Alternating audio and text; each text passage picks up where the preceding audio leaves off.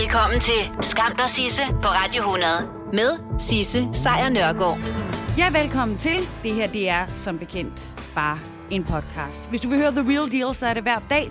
Men nu har jeg altså samlet det, som jeg synes, der er skamløst godt fra sidste uges program i en podcast til dig. Hey, det var så lidt. Skam der Sisse på Radio 100 præsenterer Skammens top 3. Og jeg havde jo en idé om, at jeg ikke ville skamme mig over noget som helst, som der foregik, mens jeg var i lockdown. Men ja, den lockdown er jo efterhånden ved at være fortid. Så her er skammens top 3 tilbage, og jeg lægger ud med nummer 1. Fordi i weekenden, der nåede jeg lige at hisse mig op over de her coronatest, som altså bliver glemt, gemt for evigt, plus 10 år efter din død, når du bliver testet. Og det er mystisk. Men igen, mine rettigheder til privatliv, de forsvandt i det øjeblik, jeg downloadede Angry Birds til min smartphone. Altså det vilde er, at vi først op opdager, det er nu, det er først i den her weekend, at nogen har læst helt til tredje side i den pdf, man får tilsendt, når man vil testes. Altså, vi har haft virusen i vores hverdag siden marts, men nu har vi fået læst det med småt. I forvejen, der ligger alle dine sundhedsoplysninger online på sundhed.dk, og hvor sikkert er det lige et sted at have alle dine diagnoser liggende? Altså, jeg ved det ikke, men jeg ved, at du kan blive vred, men du kan simpelthen ikke blive overrasket. Så det, det måtte jeg jo så lige tage til mig selv. Nummer to er, at i Roskilde, der tog øh, 12 gymnasieelever på tur til Sverige i Kristi Himmelfartsferien. Også selvom de vidste, at det skulle man ikke under en verdensomspændende pandemi. Og selvfølgelig blev fem af dem smittet med coronavirus, og nu er hele deres første G-årgang sendt hjem fra gymnasiet, fordi det skal man gøre. Og jeg tænker, sådan nogle spader, så er det godt nok svært ikke at dømme alle ude. Men sådan skal det selvfølgelig ikke være. Sådan skal, nej, det kan jeg godt se. Det er not all gymnasieelever er så idiotiske. Og det får mig frem til nummer tre, som er not all cops er racistiske skiderikker i USA. Men uha, den ser grim ud i USA for tiden. Jeg er blevet blæst væk af de her Black Lives demonstrationer. Her sidder jeg i min privilegerede hvidhed og uden risiko for overhovedet at blive behandlet anderledes. Jeg nåede som lige at blive svimmel og tænke, ej, det skal jeg ikke blande mig i, for jeg er jo ikke racist. Så det er jeg jo ikke en del af. Men det er derfor, jeg skal blande mig. Jeg skal sige det. Jeg skal forklare, når der står Black Lives Matter. Så skal du ikke sige All Lives Matter, Sisse. For det siger sig selv, at alle liv faktisk betyder noget. Men behandlingen af farvet er så meget til rotterne, at vi bliver nødt til igen og igen at sige og understrege, at deres liv også betyder noget. At Black Lives Matter. Det er derfor, det hedder det, indtil du åbenbart også har fattet det. Og jeg på en eller anden måde husker os at sige det højt. Hvis du, som jeg her i weekenden, måske lige lukkede lidt ned for nyhedsstrømmen og zoomede ud og var ikke til stede, så kan det godt være, at du også fik et chok i aftes, da du opdagede, hvordan tilstanden er i, øh, i USA. Det er gået mere eller mindre amok i USA. Og hvis du lidt ligesom som jeg gjorde, zoomede ud i weekenden, så kan det godt føles meget, meget voldsomt at lande til de her nyhedsbilleder. Så lad mig lige forklare, hvad der er los. Sidste mandag, der døde en mand i politiets varetægt. Og for ligesom at understrege, hvor almindeligt det her det er, så kan jeg sige, at jeg har ikke overhovedet talt om den her mand i løbet af den her uge, fordi det her det er noget, der sker ofte. Det siger lige så meget om mig, og hvor, hvor blind jeg er for, hvor, hvor ofte det her sker, som det siger om, hvordan politiet i USA håndterer de her sager. Fordi den mand, der døde i politiets varetægt, det var en 46-årig mand, afroamerikaner. Han hedder George Floyd. Han blev anholdt på en måde, der var alt, alt, alt for meget. Alt for barsk. Han blev lagt på jorden, han fik knæ på halsen i flere minutter, mens han gentagende gange sagde, at han blev kvalt. Hvilket han gjorde. Han døde. Og det hele det blev altså fanget på en video. Og politibrutalitet er ikke nyt i USA. At sorte mennesker dør i politiets varetægt eller under helt normale omstændigheder, som ikke burde være dødsensfarlige, er desværre ikke unormalt. Uh, episoden her fra Minneapolis er heller ikke enestående. Som øh, skuespilleren Will Smith han sagde under et interview i sidste uge, racismen er ikke blevet voldsommere i USA, den er blevet filmet. Og det blev George Floyds død, altså filmet. Og med den video, som så gik viralt i sidste uge, der blev mange års ophobning af raseri antændt. Og demonstrationerne, de øh, ulmede ud i mere end 140 storbyer i USA. Og ja, i London, øh, Berlin, øh, København og alle mulige andre storbyer, der var der altså demonstrationer her i weekenden. 10.000 vis af demonstranter under parolen Black Lives Matter. De her demonstrationer i USA har i nogle tilfælde været voldsomme. Der er blevet sat ild til, øh, til butikker. En der er folk, der er blevet skudt. Øh, der var en lastbil, der forsøgte at køre tusindvis af mennesker ned på en, øh, en bro. Politibiler er blevet smadret, eller har smadret mennesker, og det er sindssyge billeder, der kommer derfra. I Washington D.C., hvor den amerikanske regering og det hvide hus i øvrigt har hjemme, der blev demonstrationer, demonstrationerne her så vilde, at man på et tidspunkt øh, tænkte, at øh, Donald Trump, altså præsidenten, og hans stab og hans familie var i fare, så de blev sat ned i en underjordisk bunker. En bunker, som ikke har været brugt siden 11. september 2001. Så det er på det niveau, at tilstanden er i USA.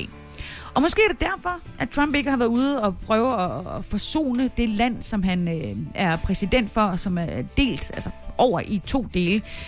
Men derimod har været ude og bare været rasende. Det kan godt være, det er det, der har gjort ham rasende, fordi næste skridt for ham er at sætte det amerikanske militær ind mod de demonstrerende borgere. Det har han været ude at sige i nat. Det er den seneste melding. Amerikansk militær mod amerikanske borgere. Som var det Kina. Som var det Syrien. Som var det en eller anden form for diktatur. Så USA er altså splittet, og i aftes der kom der en uafhængig obduktion af den øh, afroamerikanske George Floyd, som altså døde under den her anholdelse, og dermed også er blevet billedet på de demonstrationer, vi lige nu ser over hele USA. Og han blev ifølge obduktionen kvalt. Og politimanden, som gjorde det her, han er nu sigtet for mor. Tusinder og 10.000 vis af mennesker er på gaden i USA i store byer over hele landet, og der har ikke været nogen forsonende ord overhovedet fra ham, der ligesom skal være manden over det hele, nemlig den amerikanske præsident. Igen, vi har ikke hørt noget, der hedder, vi er alle amerikanere. Vi har ikke hørt noget med, øh, vi bør arbejde sammen mod racismen. Vi har ikke hørt noget som helst. I øh, New York, der havde de udgangsforbud i nat, så der ikke vil blive øh, smadret flere ting. I New York alene, der bliver omkring 350 mennesker anholdt natten til, til søndags. 30 betjente er kommet øh, til skade i de her sammenstød mod demonstranterne. Så de, ligesom for at få en pause, så er der blevet udgangsforbud. Udgangsforbud i byen, der aldrig sover, og det er ikke den eneste by, der har gjort det. Der er mange steder, hvor der er udgangsforbud. I øh, Louisville i staten Kentucky, der har de forsøgt at rode bod på politiets opførsel ved simpelthen at fyre politichefen. Og det sker især efter den her episode her i weekenden, hvor betjente skød demonstranter. En af demonstranterne døde endda. Og amerikanske betjente, de har sådan en ting med, at de skal have kropskamera på. Men de var sådan helt tilfældigvis slukket under den her begivenhed. Så for at undgå, at det her også eksploderer, jamen så har borgmesteren altså fyret politichefen. Og nok også på tide, når man hører om betjentenes brug af kameraerne, fordi de er sjovt nok slukket ofte, når mennesker dør. dør. I, øh, I marts måned blev en øh, 26-årig sort kvinde skudt ned i sit eget hjem, da betjente de øh, stormede hendes lejlighed i Louisville. Hun blev skudt otte gange. Og det er der heller ikke et eneste stykke videooptagelse af, til trods for, at betjentene burde have tændt deres videokamera. Men altså, heller ikke her har præsidenten været inde og sige, jeg samler lige det her, jeg forsøger lige at komme med nogle formanende ord, så jeg på en eller anden måde kan fortælle jer alle sammen, at jeg er her, jeg prøver at finde en løsning på det her. Ikke et ord. Til gengæld er der kommet en omgang fordømmelse. Fordømmelse og nu også militær. I nat der sagde Trump på sit pressemøde, at han vil mobilisere alle tilgængelige ressourcer, herunder civile og militæret til at stoppe de her protester. Han sagde, øh, jeg har kraftigt anbefalet guvernørerne at indsætte Nationalgarden i tilstrækkeligt antal, så de kan dominere gaderne, og borgmester og guvernør skal nu etablere en overvældende tilstedeværelse, indtil volden er stoppet. Trump han siger altså også, ifølge nyhedsbureauet AFP, at han vil indsætte tusindvis af tungt bevæbnede soldater i Washington. Og det sagde han, at mens han talte, så var der altså tusindvis af svært bevæbnede soldater på vej ud i gaden i Washington og de skulle altså øh, hjælpe de retshåndhævende myndigheder med at stoppe det her øh, oprør, plyndring og herværk og overfald og ulykkelige ødelæggelser, som Trump han siger, og andre siger, at det er jo er demonstrationer. Så det er der, den er nu. Skam dig, Sisse, på Radio 100 præsenterer dagens skamløse øjeblik. Ja, det skal handle om Tiger King. Fordi hvis der var noget i begyndelsen af lockdown, udover hamstring af toiletpapir, gær og øh, åbenbart øh, surdejsfanatikere, der ligesom fik samlet os mennesker derude, jamen så var det altså Netflix-serien Tiger King. En dokumentarserie, om man vil, om en øh, fuldstændig outrageous mand, der bliver kaldt Joey Exotic, som ejer den her tigersuge, og hele det vanvid af mennesker, som i øvrigt ejer alt for store tigerdyr, og har alt, alt for mange våben, og tager alt, alt for mange stoffer. Den her serie, den ligger inde på Netflix. Den blev lynhurtigt til en verdensomspændende ting. Altså noget, som man kunne diskutere med, om man med mennesker, der boede i Rusland og folk, der boede i USA. Det er et, et, et stort samlende objekt, at vi har elsket at se Tiger King. Joey Exotic, hovedtypen her, hans ærkerival og kvinden, han i øvrigt sidder i fængsel for at forsøge at, at, at have myrdet, nemlig Carol Baskins, har, har simpelthen, hun har simpelthen spillet sit Don't Get Mad, Get Even kort til fulde og til perfektion. Her tre måneder efter premieren på, på dokumentaren, der har hun simpelthen fået skrevet et helt nyt kapitel i den her konflikt. Hun har simpelthen overtaget Joey Exotics Tierpark. Altså den, som han ejede, den, som han kæmpede for, den, som han levede hele sit liv i, og som han altså åndede for. Den har Carol Baskins overtaget. Den har hun fået ifølge en federal domstol. Og det må være... Øh, der må være vanvid i hans lille bitte fængselscelle i, øh, i de her dage. Fordi den her domstol har altså afgjort, at hun kan overtage Tierparken som et led i en sag om krænkelse af Carol Baskins varemærke. I, øh, ifølge et medie, medie, der hedder Courthouse News, så har Joey Exotic tilbage i 2011, der overførte han alle sine ejendele til sin mor. Det var ligesom for at holde dem væk fra kreditorer, eller i det tilfælde, at Carol Baskin skulle vinde en retssag imod ham. En retssag, som man også kan se mere om i dokumentaren. Og øh, det har moren så efterfølgende indrømmet under vidneafhøring, og så er det altså begyndt at rulle. Den føderale domstol i Oklahoma har, har afgjort, at både den her park, men også biler, ejendommen på, på Tierparkens grund, det hele, the works, alt kommer til at gå til Carol Baskin. Og ham, der ejer parken lige nu, som er også en fuldstændig crazy type, men ham, der hedder Jeff Love, han er blevet beordret til at forlade den her grund, og der er han altså ude inden for 120 dage. Tilbage i 2019, der blev Joe Exotic altså idømt 22 års fængsel for at have planlagt og for at betale et legemord på Carol Baskins. Derudover så var han også kendt skyldig i at have forfalsket nogle papirer. Han har overtrådt en lov om beskyttelse af truede dyrearter, og i det hele taget så er han mere eller mindre sat i fængsel for, for noget, han i den grad ikke gjorde skjul på, at han havde gjort. Til trods for det, så har USA's præsident, god gamle Donald Trump, også været ude at lufte, at han lidt overvejer, om han rent faktisk skulle benåde Joey Exotic. Ja, den, den, den fortælling, den bliver vi med at give. Den svenske måde at, at komme igennem coronakrisen på har jo vækket øh, opsigt, vagtopsigt, undskyld, i, øh, i hele verden. De tog nogle helt andre valg, end vi gjorde. Og mens vi sad og kugelurede i vores øh, respektive øh, hjem, så sad de i fællesskab og hyggede sig på restauranterne. De blev samlet til afterski, da der stadigvæk var den slags, og så havde de også børnene i skole. Men nu siger Sveriges statsepidemiolog, ja, jeg kommer aldrig til at lære det, Sveriges svar på Søren Brostrøm, altså Anders Tegnell, at øh, Sverige burde have truffet nogle øh, andre og måske endda flere forholdsregler mod øh, coronavirusen fra begyndelsen. Det er han ude at sige til Svensk Radio, at, øh, at skulle de støde på den samme sygdom, eller på samme slags sygdom med præcis den viden, som de har i dag, så vil de nok have gjort en mellemting mellem det, som Sverige har gjort, og det, som resten af verden har gjort. Han mener, at der helt klart var nogle ting, som kunne være gjort bedre, øh, hvis det vel at mærke var gjort anderledes. Og øh, de skulle måske have lukket for nogle flere ting, simpelthen for at få forhindret smitten i at, at spredes. Anders Tegnell her, han er jo øh, som bekendt læge, og han er, han er læge med speciale i infektionssygdomme, og så er han derudover også embedsmand. Og han har jo indtil nu hævdet, at øh, Sverige har haft den mest udholdende strategi, at på det lange, på den lange sigt, der vil de vinde den her. Men dødstallet, det er højt. Det er for højt, siger han nu i, øh, i det her radiointerview, han har lavet med Svensk Radio.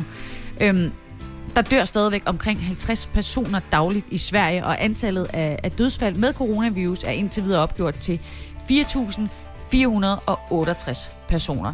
Så han er altså usikker på, hvilke forholdsregler Sverige kunne have truffet, ud over dem, som der allerede blev indført, eller om Sverige måske skulle have indført alle forholdsregler på én gang, som vi gjorde for eksempel, og så i stedet for øh, gjort det gradvist med at åbne op igen. Men han, han fremhæver altså, at alle andre lande lukkede alt meget hurtigt, men at problemet med den måde er, at så ved man ikke, hvilke forholdsregler, der har haft den bedste effekt.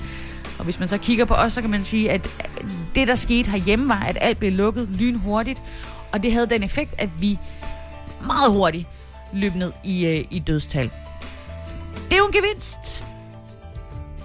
På den lange bane også, vil jeg sige, men, men øh, det er jo så det, som Anders Tegning han er ude og, og regne på lige nu. Og det finder vi jo formentlig også ud af, når vi er fuldstændig sikre på, at vi er over på den anden side af pandemien, om hvordan det nok var bedst at gøre det her, om samfundet skulle lukkes med det samme, eller det skulle lukkes gradvist. Og imens de arbejder på det, så er der jo øh, en gruppe af danskere, der diskuterer på livet løs, om de altså godt må holde sommerferie på deres ødegård i Sverige, fordi Ifølge myndighederne herhjemme, så skal man ikke tage til Sverige. Og tager man til Sverige, så skal man altså holde 14 dages karantæne derhjemme efterfølgende. Men gælder det også de danskere, som havde tænkt sig at tage på ødegårdsferie? Det kigger jeg altså mere på i, øh, i næste time. Skam dig, Sisse, på Radio 100 præsenterer dagens skamløse øjeblik. Der er rigtig mange danskere derude, det er eksakte tal er ikke kendt, men mange danskere derude, der elsker Sverige så højt, at de har investeret i en ødegård eller et sommerhus. Altså et sted, som normalt rummer ro, myg, bær, hygge, krabsegilde, og jeg forstår den godt. Vi prøvede det sidste år, altså det der med at, at bo i, i hus i Sverige. Vi havde et lille hus i den svenske skærgård ved Stockholm, og der er kun én ting, der gør, at jeg ikke skal derop igen til sommer, og det er coronavirusen, ganske enkelt. Det, vi må ikke tage det op, så, så er den ikke længere. Og det er altså øh, også det, der er diskussionen i en Facebook-gruppe med godt 7.000 medlemmer herhjemme. En gruppe af danskere, som ejer huse i Sverige. Huse, de mægtig gerne vil op og holde ferie i. Men Sverige er jo, som bekendt, lukket land ifølge myndighederne. De, de siger, nu være med at tage til Sverige. Det er ikke godt lige nu. Vent lidt, ikke? Men i gruppen, der diskuterer de altså løs, om det er også nogle regler, der gælder for de mennesker, der ejer huse i Sverige. I den ene lejr, der står husejerne, der sagtens mener, at man kan rejse til Sverige, selvom Udenrigsministeriet fraråder det, fordi hey, de regler gælder åbenbart ikke for dem. Og i den anden lejr, så står der så dem, der også ejer huse i Sverige, der mener, at det er mangel på respekt, både for alle os, de møder, når de kommer hjem, men selvfølgelig også for svenskerne. Og lige nu, der ser det så ud til, hvis man kigger på de her diskussioner, at de fleste mener, at det kan, de kan godt holde ferie i Sverige. Og her sender jeg så lige den, en lille tanke til de 12 gymnasieelever, som tog på ferie i Sverige, og fem af dem kom hjem med coronavirus, hvor efter en hel årgang på Roskilde Gymnasium måtte sendes hjem i to uger. Jeg tror ikke, at de her gymnasieelever, der tog på ferie i Sverige, er helte i den her historie. Jeg tror det ikke. Jeg ved det ikke. Men jeg måske med mindretallet på den her. Men jeg synes ikke, det er i orden. Altså, ja. Men husejerne her, de er selvfølgelig heller ikke enige. I, øh, i, øh, i en øh, Facebook-gruppe, som hedder Danska Torbara, altså svensker med, øh, med fritidshus i Sverige, som har godt 10.000 medlemmer, faktisk mere end 10.000 medlemmer. Der er der en af dem, der skriver, selvfølgelig skal vi kunne tage til Sverige. Øh, vi har, øh, eller til vores huse i Sverige, vi har dem oftest uden for byerne, og der findes som en både håndsprit og afstand mellem mennesker i Sverige også. Ja. Så, der er nogen, hvor reglerne åbenbart ikke gælder for. Den danske regering besluttede jo ellers i sidste uge, at de vil åbne for grænserne igen. Det er jo den 15. juni, det vil ske, og det bliver for turister fra Tyskland, fra Island og Norge, men ikke fra Sverige. Mette Frederiksen, altså vores statsminister, hun understregede dog, at Danmark er i dialog med svenskerne, at man håber på, at måske kan få nogle af dem fra Skåne ind, fordi de ikke er så hårdt ramt. Og det er ligesom også det, de holder sig fast i i de her debatgrupper på nettet hvor der i øvrigt også er svensker, der undrer sig over, at der er så mange danske nummerplader at finde i det svenske sommerland. Og det kan man jo også se, når der hele tiden er meldinger om kilometerlange køer ved Øresundsbroen. Og samtidig så er der også danskere, der undrer sig over, at tyskere og nordmænd godt må besøge den danske del af sommerlandet. Men der er altså forskel på de forskellige landes coronahåndtering, og der er Sverige altså dem, der halter bagefter. En del bagefter. Men altså, der har været de her bilkører på Øresundsbroen, blandt andet efter Kristi Himmelfartsferien og efter Pinseferien, og det skabt en del opmærksomhed i medierne, som så har fået Udenrigsministeriet til at sige, jamen lad nu være med at rejse til Sverige. Og samtidig så bliver det også gentaget, at danske myndigheder altså kraftigt opfordrer alle, der har været i Sverige, til at, når de kommer hjem, at simpelthen holde de her 14 dages karantæne, så vi er nogenlunde Skam dig, Sisse, på Radio 100 præsenterer Skamløse fornøjelser. Man kan jo godt, når man bor i øh, hovedstaden, som, øh, som jeg jo gør, øh, godt sådan en gang med savne den her friske, friske luft, som jeg er vokset op med i, øh, i Sønderjylland. Altså den der, hvor man går ud på en mark, og man tager en dyb indånding, og det, man kan bare få det helt ned i lungerne, uden at man føler, at man er ved at kløjes i øh, forureninger og anden ting og sager, altså bilos og sådan nogle ting og sager. Det kan man godt rundt og savne. Og nu var den her svenske ødegård jo øh, ikke helt så tæt på, som mange måske håber, og ferierne generelt skal være inden for matriklen Danmark, om man vil, så føles luften måske ekstra tæt. Måske endda en lille smule kvælende. Men selv hvis du gerne vil ud og have den friske luft, altså den friskeste, sprødeste, lækreste luft overhovedet, så skal du virkelig, virkelig, virkelig langt væk. Faktisk skal du helt til det, der hedder Fort Collins. Og så sidder du og tænker, what? Fort Collins, hvor er det henne? Jamen, det er øh, umiddelbart øh, over det sydlige ishav omkring Antarktis. Der er atmosfærelaget åbenbart øh, næsten, eller helt frit, om man vil, øh, for partikler skabt af menneskelig aktivitet. Det er simpelthen forskere, der har rejst ud for at finde ud af, hvor er den reneste luft på jorden, og Fort Collins over øh, i, i det sydlige ishav, det er stedet, man skal tage hen. Det har øh, CNN blandt andet skrevet. Og øh, Colorado State University, som altså er dem, der er ude med den her øh, meddelelse, de har skrevet, at øh, med det hastigt skiftende klima, som er jo på grund af menneskelig aktivitet, så er det svært ikke at finde noget sted på jorden, der er uberørt af mennesker, eller finde et sted på jorden, der er uberørt af mennesker. Men der er altså en lille plet ude i det sydlige ishav omkring Antarktis, hvor man simpelthen kan få frisk luft. Det er det, der hedder øh, sammensætning af sådan noget, der hedder aerosoler. Altså små, flydende eller faste partikler i luften, som er blevet øh, målt, og det er de blevet målt for første gang øh, nogensinde.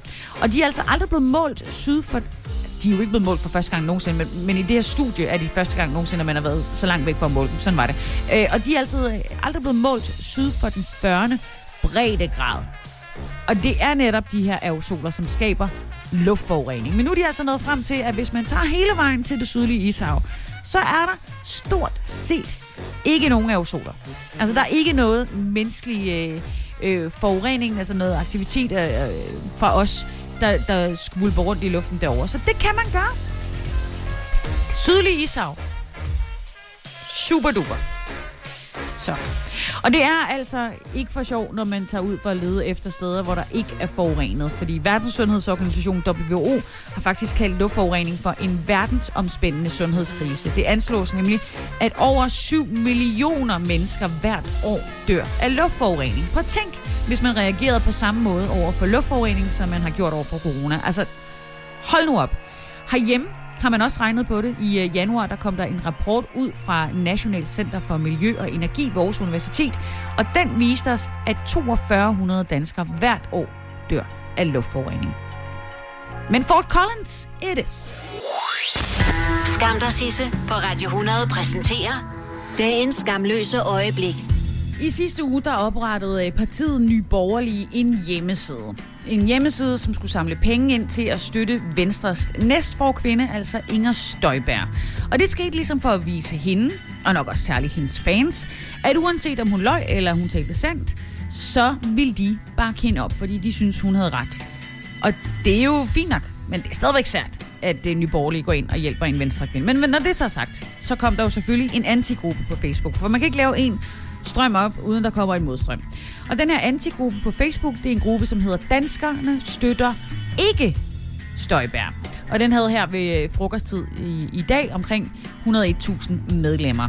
Og et af de medlemmer er en af Venstres egne. Han hedder Kåre Harder Olsen. Han er byrådsmedlem, og så er han anden viceborgmester for Venstre i Ballerup Kommune. Og han har altså også meldt sig ind i den her protestgruppe på Facebook imod Inger Støjberg. Og han har ikke bare sådan passivt meldt sig ind. Han har simpelthen også skrevet et opslag, hvor han ligesom langer ud efter Inger Støjberg.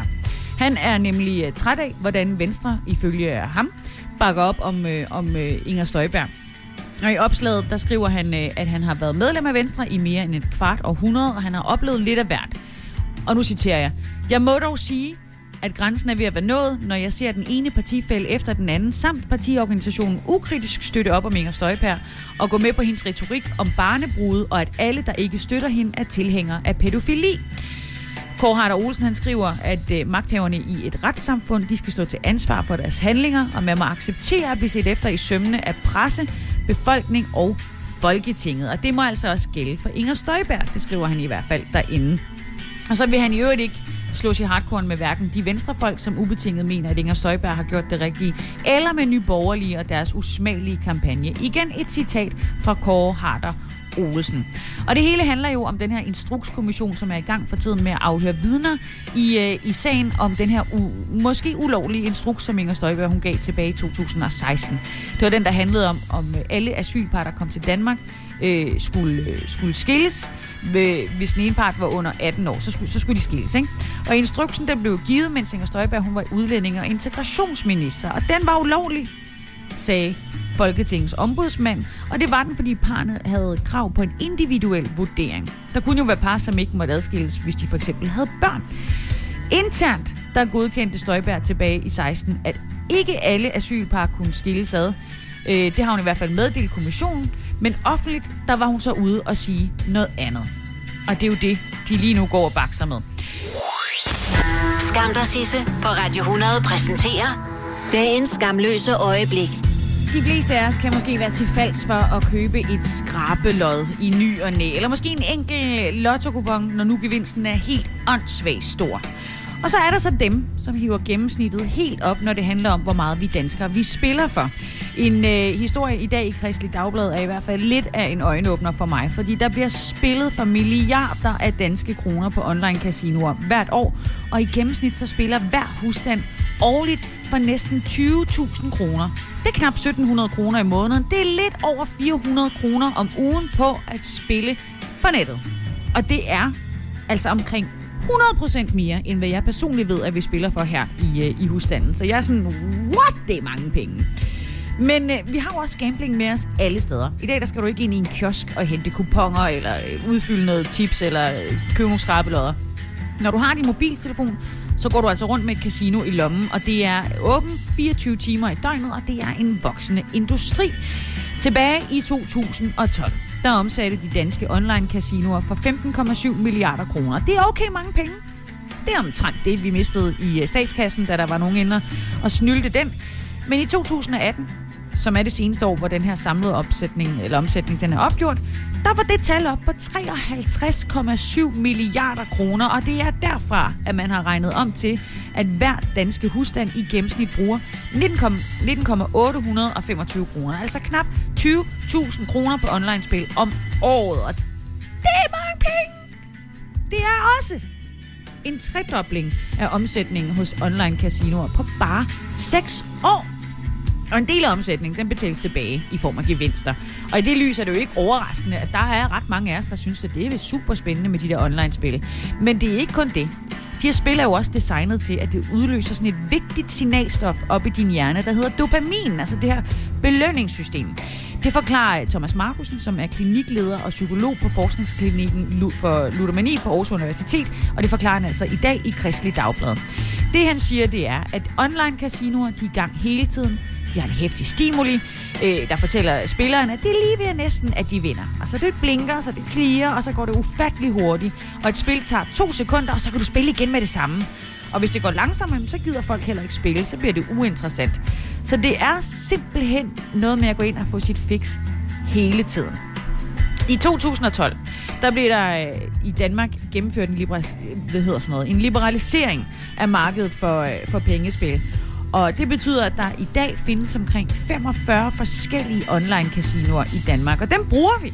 Og nogle nok også for meget, især de unge. To tredjedele af de personer, som henvender sig på øh, Center for Ludomani for at få hjælp, de er afhængige af at spille på online casino. Og 53 procent af alle henvendelser, det er altså fra unge mennesker. Unge imellem 18 og 30 år. Og Center for Ludomani, de oplyser også, at øh, tilbage i 2012, så var der 400 reklamer for spil i døgnet. I midten af 2019, der løb der 1200 reklamer over danskernes forskellige skærme i løbet af døgnet. 1200 reklamer i døgnet. Det er 43.800 reklamer om året lige in your face. Kæmpe gevinst, hvis du kan lide reklamer. Hvis jeg nu siger lønssikring, så siger du nok, det er da en god idé. Og hvis jeg så siger, at Frie A-kasse og fagforening giver dig en gratis lønssikring på 3.000 kroner oven i dagpengene som en fast medlemsfordel, hvad siger du så? Selv tak. Se tilbud og vilkår på frie.dk. Har du brug for sparring omkring din virksomhed? Spørgsmål om skat og moms, eller alt det andet, du bøvler med? Hos Ase Selvstændig får du alt den hjælp, du behøver, for kun 99 kroner om måneden. Ring til 70 13 70 15 allerede i dag. Ase gør livet som selvstændig lidt lettere. Kom til Spring Sale i Fri Bike Shop og se alle vores fede tilbud på cykler og udstyr til hele familien. For eksempel har vi lynedslag i priserne på en masse populære elcykler. Så slå til nu. Find din nærmeste butik på FriBikeShop.dk Har du for meget at se til? Eller sagt ja til for meget? Føler du, at du er for blød? Eller er tonen for hård? Skal du sige fra? Eller sige op? Det er okay at være i tvivl. Start et godt arbejdsliv med en fagforening, der sørger for gode arbejdsvilkår, trivsel og faglig udvikling. Find den rigtige fagforening på dinfagforening.dk Og så skal vi altså tilbage til USA, hvor øh, Black Lives Matter-demonstrationerne jo er i fuld gang. I går der var George Floyds familie ude at tale for første gang, og her understregede de altså, at der ikke bliver stoppet, før at der er retfærdighed til. Der er også demonstrationer herhjemme. Det var der i går, og der er yderligere en på søndag i, øh, i København. Men retfærdigheden, den er altså svær at få til at ske i USA, især når det involverer politibrutalitet. Og det er der ifølge New York Times nogle helt enkle årsager til. Det kan være lidt svært for os herhjemme at forstå, fordi vores politik slet ikke kan sammenlignes med det amerikanske. Jeg har læst, og jeg har boet i USA, og jeg havde et enkelt møde med politiet tilbage i 2008. Der fik jeg at vide en øh, sommernat, at jeg skulle gå hjem. Jeg var ude om aftenen efter klokken to, hvor barne i byen, jeg læste i, de var lukket, og så sagde de hjem med dig. Så det gjorde jeg. Jeg turde ikke andet. Men min studiekammerat, som jeg havde været i byen med, øh, og som jeg lige havde sagt farvel til, han mødte de samme betjente lidt længere nede af gaden, og han blev anholdt og måtte en tur på stationen, hvor han fik lov at overnatte. Han kom ud dagen efter og blev altså sendt hjem fra universitetet, tilbage til Holland, hvor han er fra, og han er sort. Så det er en forskelsbehandling, jeg i hvert fald personligt kunne mærke. Men det er i den helt lille del af skalaen. Fordi da George Floyd mandag den 25. maj blev dræbt under en anholdelse i øh, Minneapolis, så var det altså med en betjents knæ på halsen. Betjenten er blevet fyret, han er blevet sigtet for manddrab, men han burde måske slet ikke have været betjent. Fordi forud for den her skæbnesvanger anholdelse, der havde betjenten gennem sin 19 år i tjeneste haft mindst 17 klager over tjenesteforseelse. Øh, han har blandt andet skudt en mand to gange under et slagsmål i forbindelse med en øh, anholdelse, og han er også blevet navngivet i en retssag om politibrutalitet. Og det har igennem årene for den her betjent kun udløst to skriftlige og en enkelt mundtlig påtale imod ham. En af de andre betjente, der også var med, har også været anklaget for at have banket en afroamerikansk mand, som havde håndjern på. Og den sag endte øh, i 2017 med et forlig, hvor byen betalte 25.000 dollars til offret. Og det er her, ifølge New York Times, at det ikke er unormalt, at amerikanske politifolk kan blive i tjenesten trods sager som dem her. En af årsagerne til det er, at politiet ofte selv står for at kontrollere sig selv. Det svarer lidt til, at jeg fortæller mig selv hver dag, at jeg gør det skide godt. Bortset fra, at der ikke er nogen, der dør, når jeg laver radio. De fleste steder, der er det nemlig politifolk i afdelingen for interne øh, som også håndterer klager mod andre politifolk. Og ifølge New York Times, så har de altså en tendens til at være lidt milde over for sig selv. Avisen henviser også til en sag fra Minneapolis fra 2010, der faktisk ligner den omkring George Floyd rigtig meget. Her døde en afroamerikaner også under en øh, anholdelse, efter at politiet havde ligget oven på ham i flere minutter, og efter en uge i øh, koma, så afgik han altså ved døden.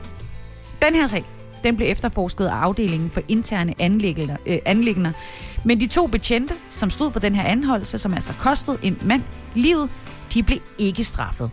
Og der er altså flere årsager, og dem får du efter den her, som jeg synes på en eller anden måde har sin ret i dag. Det er Public Enemy med Fight the Power. Så, vi skal tilbage til USA og de amerikanske betjente, som angiveligt kan udøve politibrutalitet, have menneskeliv på samvittigheden, indgå i forlig med dem, som de har overfaldet, og så alligevel møde på arbejde igen dagen efter. Og det er blandt andet det, som Black Lives Matter-bevægelsen demonstrerer over for tiden. At der simpelthen ikke synes at være nogen konsekvens, når betjente slår sorte amerikanere ihjel. En del af årsagen er, som jeg sagde for lidt siden, at politiet undersøger politiet. Og det ender oftest med, at det bliver en meget mild straf, hvis man skal straffe sin kollega. I en anden årsag er, ifølge New York Times, at det amerikanske politi har en meget stærk fagforening. De øh, repræsenterer de mine betjente, det er det, de gør, og deres job er at øh, beskytte dem mod blandt andet en fyring. Og ifølge avisen, så er øh, politiets øh, fagforeningsleder ofte i vejen for politichefer, som rent faktisk ønsker at reformere politiet. I Minneapolis, hvor George Floyd blev dræbt, der er der lige præcis en af de her slags eksempler.